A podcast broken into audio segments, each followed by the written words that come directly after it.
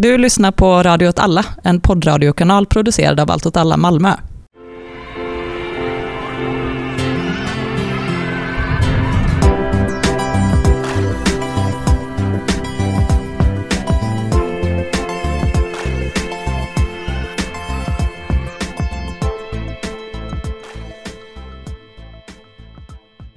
Hej och välkommen till Radio åt alla. Det här är ett speciellt avsnitt av Uppdatering där vi ska prata med Aaron Bastani eh, som är britt och därför kan vi inte prata svenska med honom.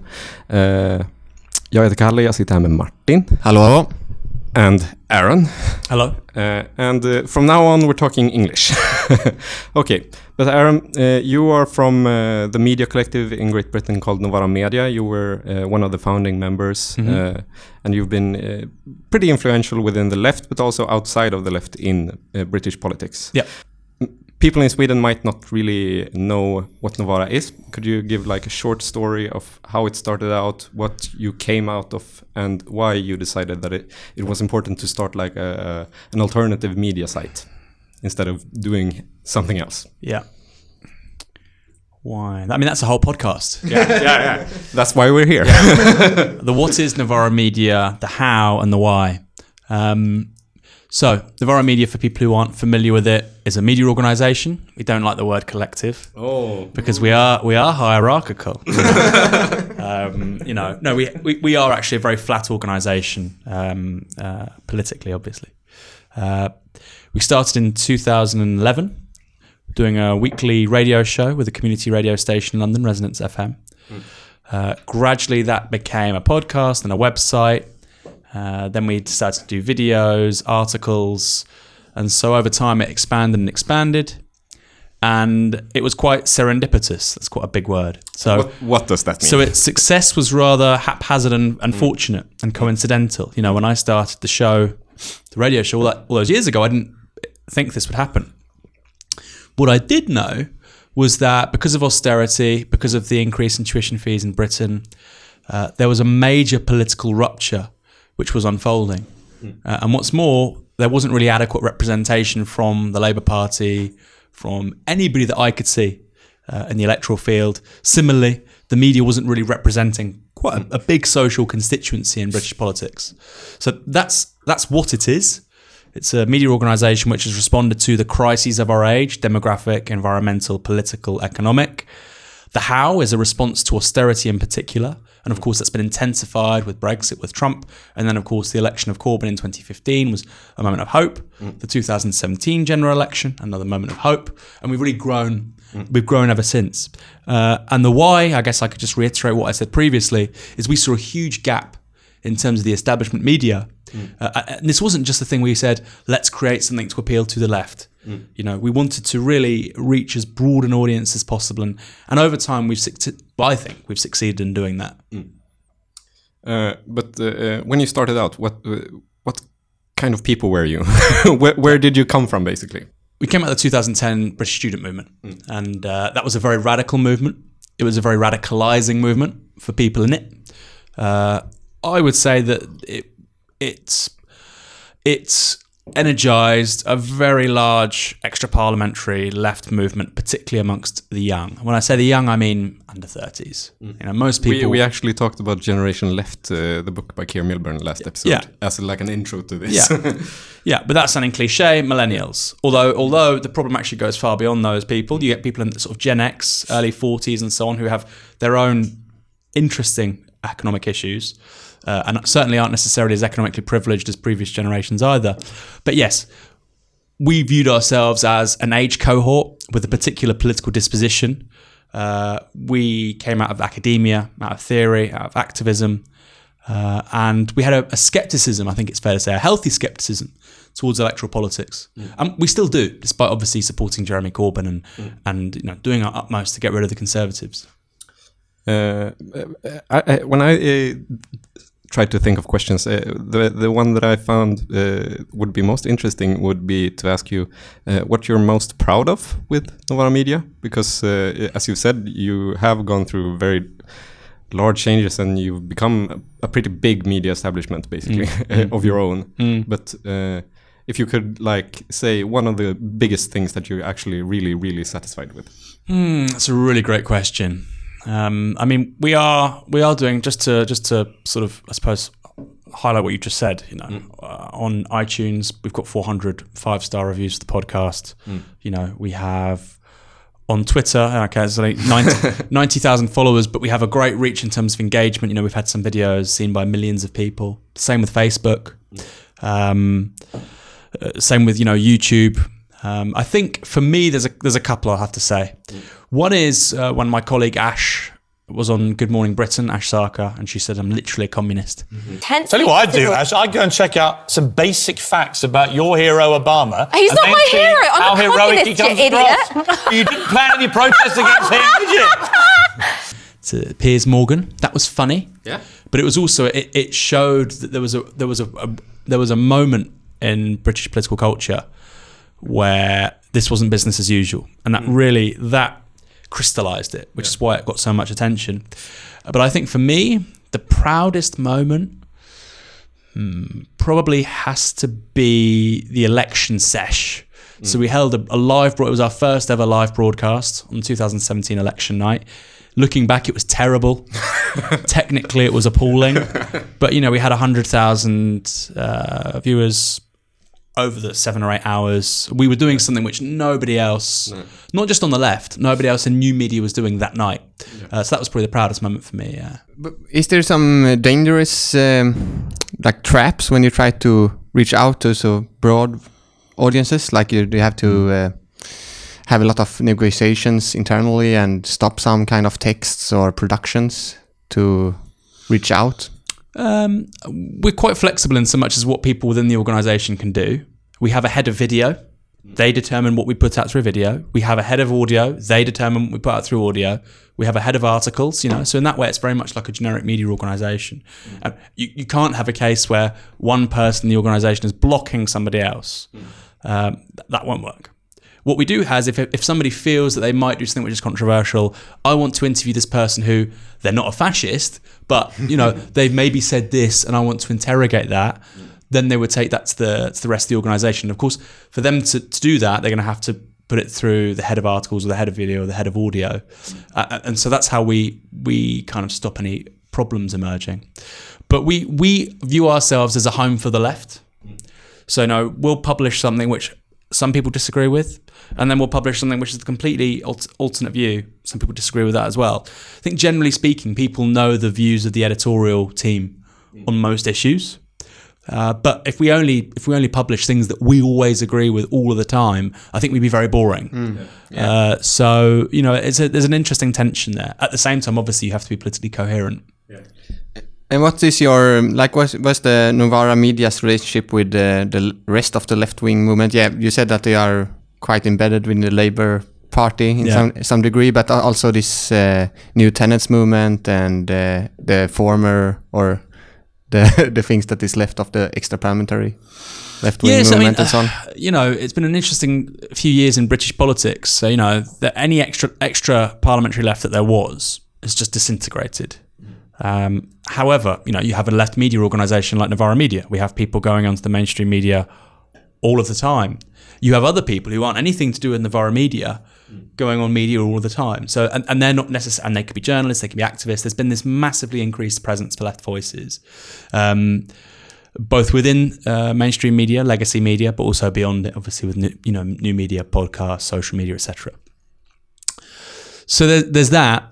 Uh, in terms of how we relate to the rest of the organisations on the left, you know, I, I think what's happened very successfully is that the people you're talking about, who five or six years ago were doing extra parliamentary stuff, these are the people who got involved in Labour for a Green New Deal, Labour for a four-day week, abolish Eton, right? Those, those are the campaigns that Labour, for, you know, open borders, etc., freedom of movement. So they were getting involved in those kinds of campaigns. Equally, the Communication Workers Union, the CWU, is a, as a postal workers union, It's now very radical. You know, I would now call it.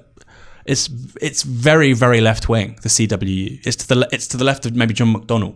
Yeah. You know, Who is John McDonnell? so John McDonnell is the shadow chancellor of the Exchequer, and I would I would say that John McDonnell is a. Uh, some of the things he has said in the past, you would think he's a left communist.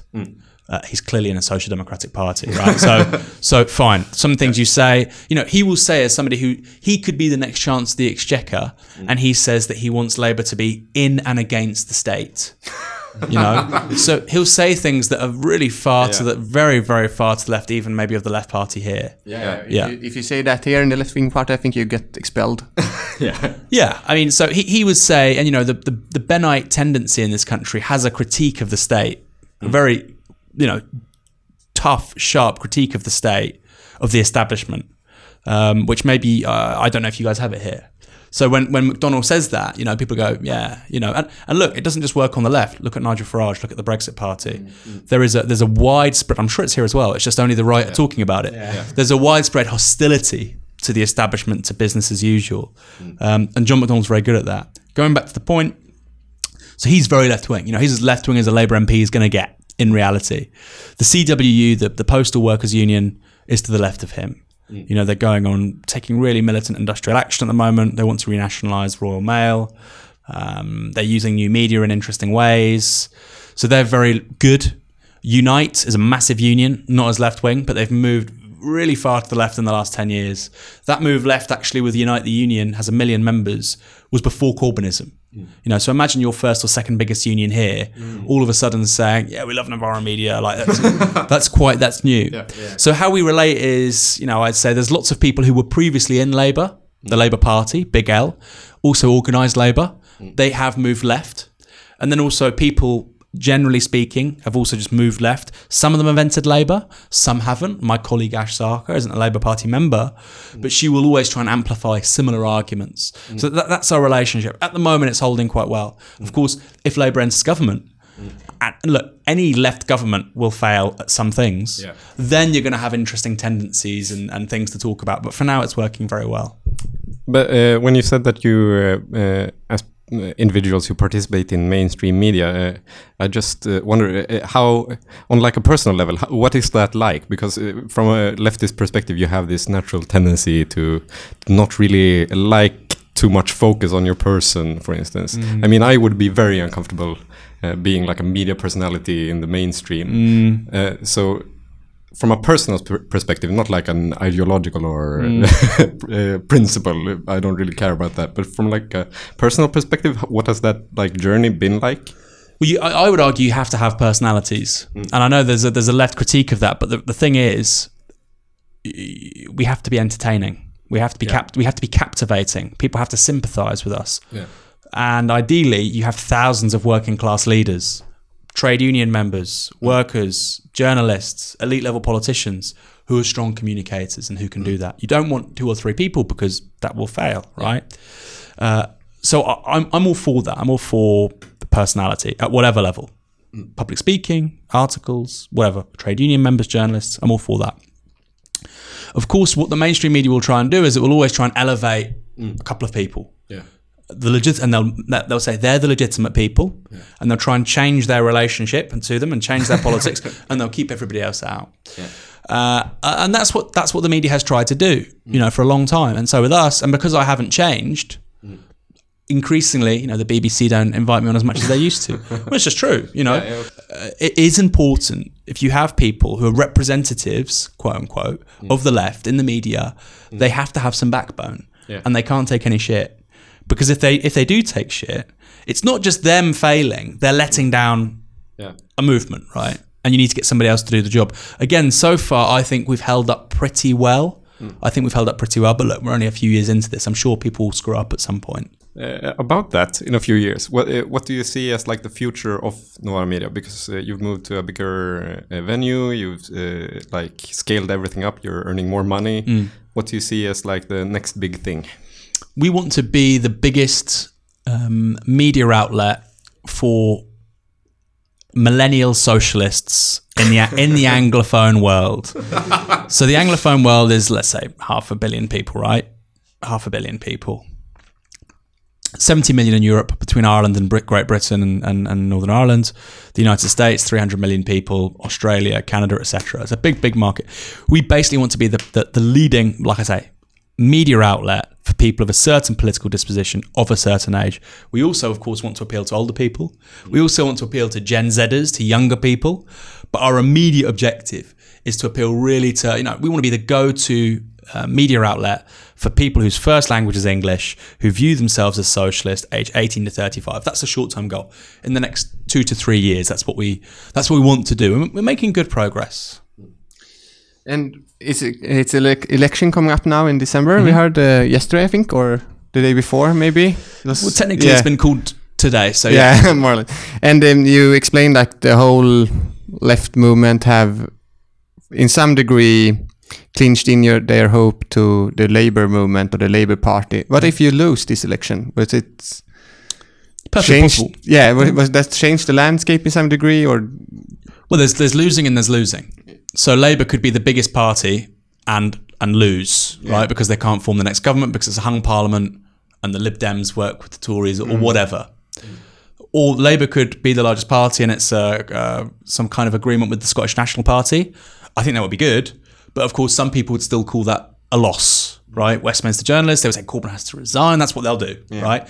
So I think if Labour are the biggest party, regardless of what establishment media says, that's a win you're the biggest party, you've won, right? Equally, if Labour is just slightly short of being the largest party, but it's the biggest party in a coalition with the, with the SNP, again, I think it's fair to say y- you've won. If that doesn't happen, and, and that, that's plausible, I don't think it's likely, but it's plausible. If that doesn't happen, then what will immediately follow is a coup. There'll be a coup by the centre of the party. They're already lining up various people. And then there'll be a battle really for what comes after Corbynism.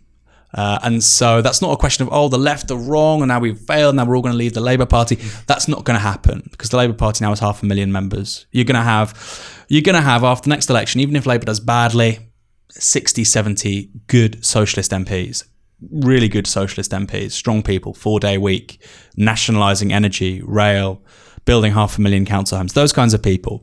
So I, I would imagine even if it fails, you know, it could still be the beginning of a very exciting project.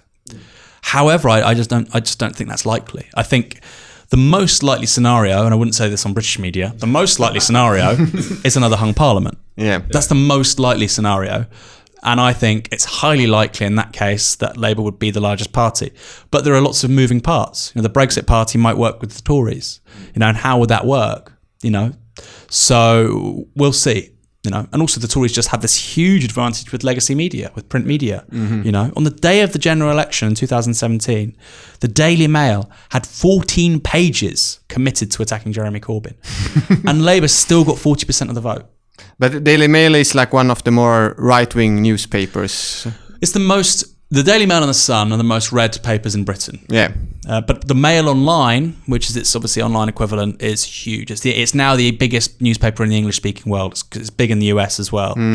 Uh, but yeah, it, its political potency, you know, historically has been in print. yeah.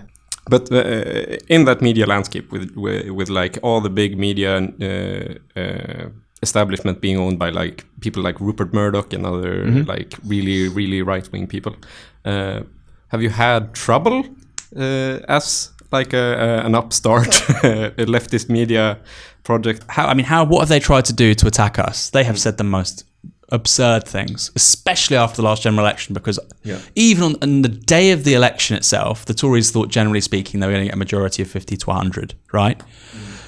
And then obviously it's a hung parliament and they just they shat themselves. And so over the following several months, you had some crazy attacks on it, just mad. Front page of the Daily Telegraph would print a story about a tweet which I tweeted, which was up for two minutes and I deleted, and some front page of the Daily Telegraph, you know, just nuts. Um, uh, and that's kind of calmed down a bit. Or fake news. You know, I did a video for an hour about the poppy in Britain. It's a it's a big symbol of sort of nationalist identity.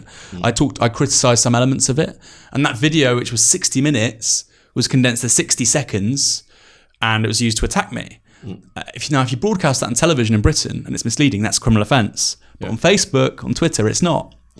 Uh, and that was then reported by the you know the print papers and so on. So there are going to be, and you know that was crazy because I had a guy, I had a fascist outside my front door, live streaming on Facebook, saying he's going to fucking kill kill me. You know, so they are obviously trying their best to either discredit us or to intimidate us. I mean, I've had crazy conspiracy theories about me. crazy. My PhD is fake. I haven't really got a PhD. Um, uh, what else? Uh, there are people at the BBC who think that the Russians fund Novara Media. I'm an Iranian double agent. Yeah, I'm a, yeah. I'll, show, I'll show you the bank account. I'm an Iranian double agent. You know, I tried to. I was offered a job, freelance work at a, a think tank, centre left think tank. The you know the trustees get a, a dossier about why they shouldn't hire me from an unknown you know. Per, come on, this is so they do try and make your life hell. You know, But uh, because it's interesting, because you're like an alternative left uh, media platform, but in Sweden we mostly have alternative right media platforms, and the tendency that has been shown is that these uh, platforms have grown really big, and then they've turned the like mainstream media towards them. yeah.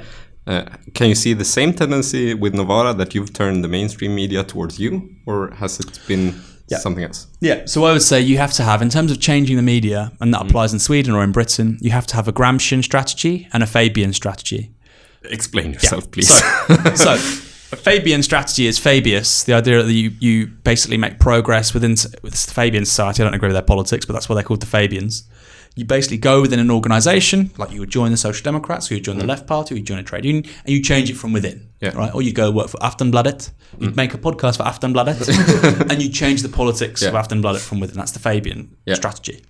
Then you have the Gramscian strategy, which is to create your own organizations, like you say, to mm. push them in a specific direction. Now, I think you have to do both. You Yeah. it's not one or the other. Ideally, you would do both.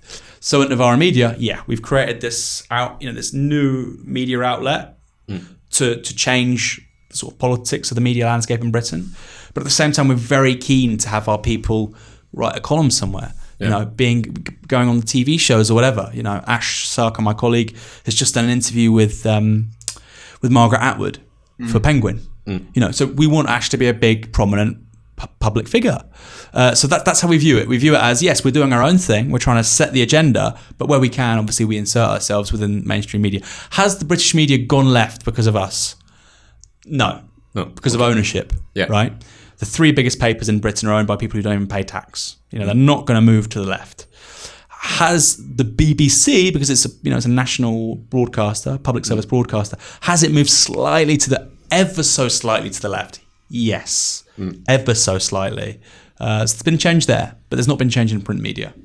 But, uh, you talk about uh, like these grand strategies, like Fabian and Gramscian strategy. How has that process of like creating the strategy for Novara Media been? Have you been had like meetings like a normal political organization, or has it been that you from the beginning of the project had like a very clear idea?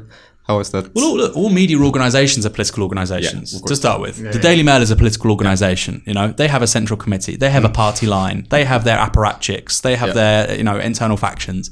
This is very much a political party, political party, a political organisation. Um, so that's the first thing. Do we strategize in ways which are politically relevant? Yes. So we have strategies in regards to the organization, acquiring audience, growth, sustainability. Of course, you have all those things, but we have a separate bunch of targets. You know, how much influence do we want over these people to make these things potentially happen? You know, that's, so we we very much think of ourselves like that. You have to think strategically. Um, and if you don't on the left, you're going to lose because the other side are thinking very, very strategically. You know, very strategically.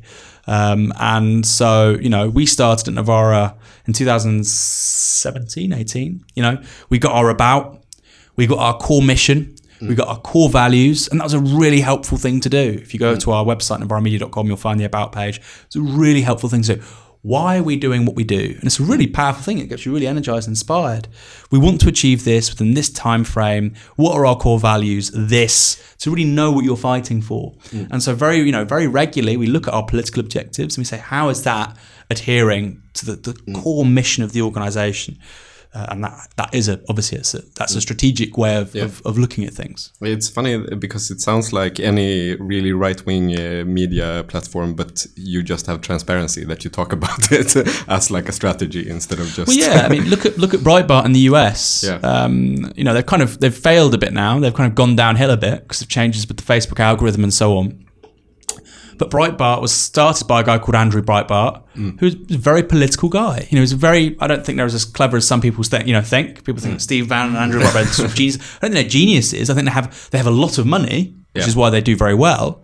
But Andrew Breitbart had a line where he said politics is downstream from culture. Hmm. So he wanted to change the culture of American society. You know, but people have been doing that on the right for forty years, so don't worry. Um, and he, he viewed polit- political outcomes as kind of being contingent on just changing the broader culture. And I, I, I would agree with that. You know, that's a, mm. that is a Gramscian way of doing things. You know, mm. if you want to be hegemonic in civil society, once you're hegemonic in civil society and its ideas and its values, the politics will follow. Mm. Generally speaking, I agree with that. So yeah, you're right. I mean, what, what I'd say to a left wing audience is the right are utterly serious about winning, utterly and completely serious about winning. Um, and in Britain, I suppose the, the jolt for us was really, you know, not even just austerity. 2015, the Tories get their first majority since 1992. You're, Well, mm. that wasn't meant to happen. We thought that was never going to happen again. Same with Trump in 2016. Mm. Everybody said, oh, because of birth rates for blacks and brown people and women and, you know, the mm. LGBT movement, the demographics mean the Republicans will never win again. You know, and then he won and we go, oh shit, this is about politics. You know, this is not inevitable. We actually have to do stuff. Uh, and, and so, you know, we've been thinking on that level for a, a fair while now. But, but the situation in Sweden right now is that also that we have, or the left in a broader sense, uh, have lost the culture war here, more or less. Like it's the things that the big uh, alternative uh, right wing uh, media writed before. Now the, the Swedish television, the, the state media is uh, saying the same things, more or less. Uh, and we have also this guy this week, a big. Um, company owner Leif Östling that was like, yeah, it's a civil war on the streets in Sweden. We have to put in military. Yeah, and he talked in uh, like a really right wing Nazi media outlet, and that's okay. And now the discussion is, are they Nazis or not? So they have won that as well. So we have a like. Is uh, there a civil war? yeah, I don't know. Have you have you noticed the civil war when you went here? I can honestly say, hand on heart, as a, so, as a as a social as a social scientist who believes in you know in empiricism, and who I have a, a skepticism of like the grand narratives of what kind of country Sweden is. Despite all that, I can still tell you categorically it's the nicest country in Europe. Thank you. No, it, re- it really. but that's really is. another problem, and uh, like you talked before, that's the interesting point that the right wing here in Sweden is really good to be anti anti anti-establishment, but the left wing can't be that here. So I think that's the the position you just told us is like the t- position the left wing movement or the center left movement always says like it's not so bad here. Yeah. It's okay. Well, that, that- Because they have like a monopoly on like saying Sweden is shit. because Yeah. the left can't say it Yeah. because the Yeah. Social Democrats have Yeah. been ruling for 150 Yeah, years. because you have such a great country in many ways, much better than other parts of, of, of, of Europe. Um, yeah, necessarily a, a centre left project has to be defensive. However, I can see I could see how the left could be very very powerful in this country. You know, mm. you could have a Corbyn moment or a Sanders moment. There's two options, I think: a Corbyn moment or a Sanders moment in the Social Democrats, where there's kind of because your your simultaneous strength and your weakness is that your national popular myth is social democratic. Mm. That's your national popular myth. In Britain, our national popular myth is Second World War, mm. right? So it's like that that feeds the, the right, but it also feeds the left because of Attlee and the NHS. And so there's a very weird battle going on for cultural values in Britain, right? And, and you can see that. Or, in France, the national popular myth is really historically the, the, the revolution. France, the revolutionary republic, the Marseillaise, etc.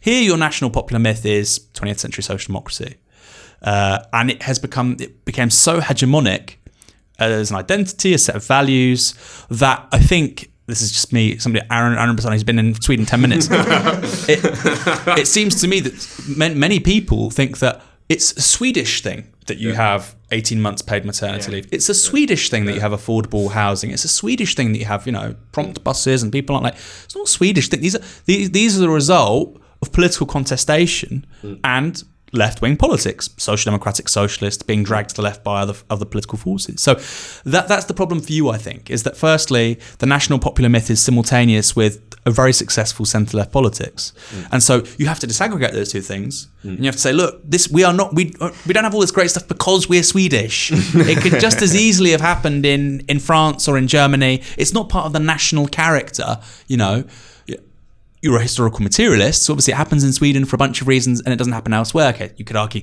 the climate, or what you know, some of course, but it was because of political forces winning, uh, and that and that's the task for you is to sort of make people understand that this is not because you're Swedish, it's because you were, you know, you're a, historically a left wing country. Yeah, that's really. We talked a lot about left-wing parties, and um, we talk. Um, it's still living and kicking in England, if you're going to believe you. Um, but we have seen also that the the left-wing populism, or what you can call it, in South America, in the south of uh, Europe, have failed in some degree. Has it failed? I mean, in Italy, there was no populist left No, because of the but communist- in Spain and Yeah. Greece, Italy has a similar problem to you that you had this big legacy organization and it's then just kind of defined. Nobody can do anything because the shadow of this huge historic moment still looms large. In Spain, Podemos fails. Why? Because I don't think it stood for anything. I, I, I'd agree. I agree. That's I my agree. view. I agree. You know, I've spoken to some people in the left party and they talk about Podemos. Podemos didn't win.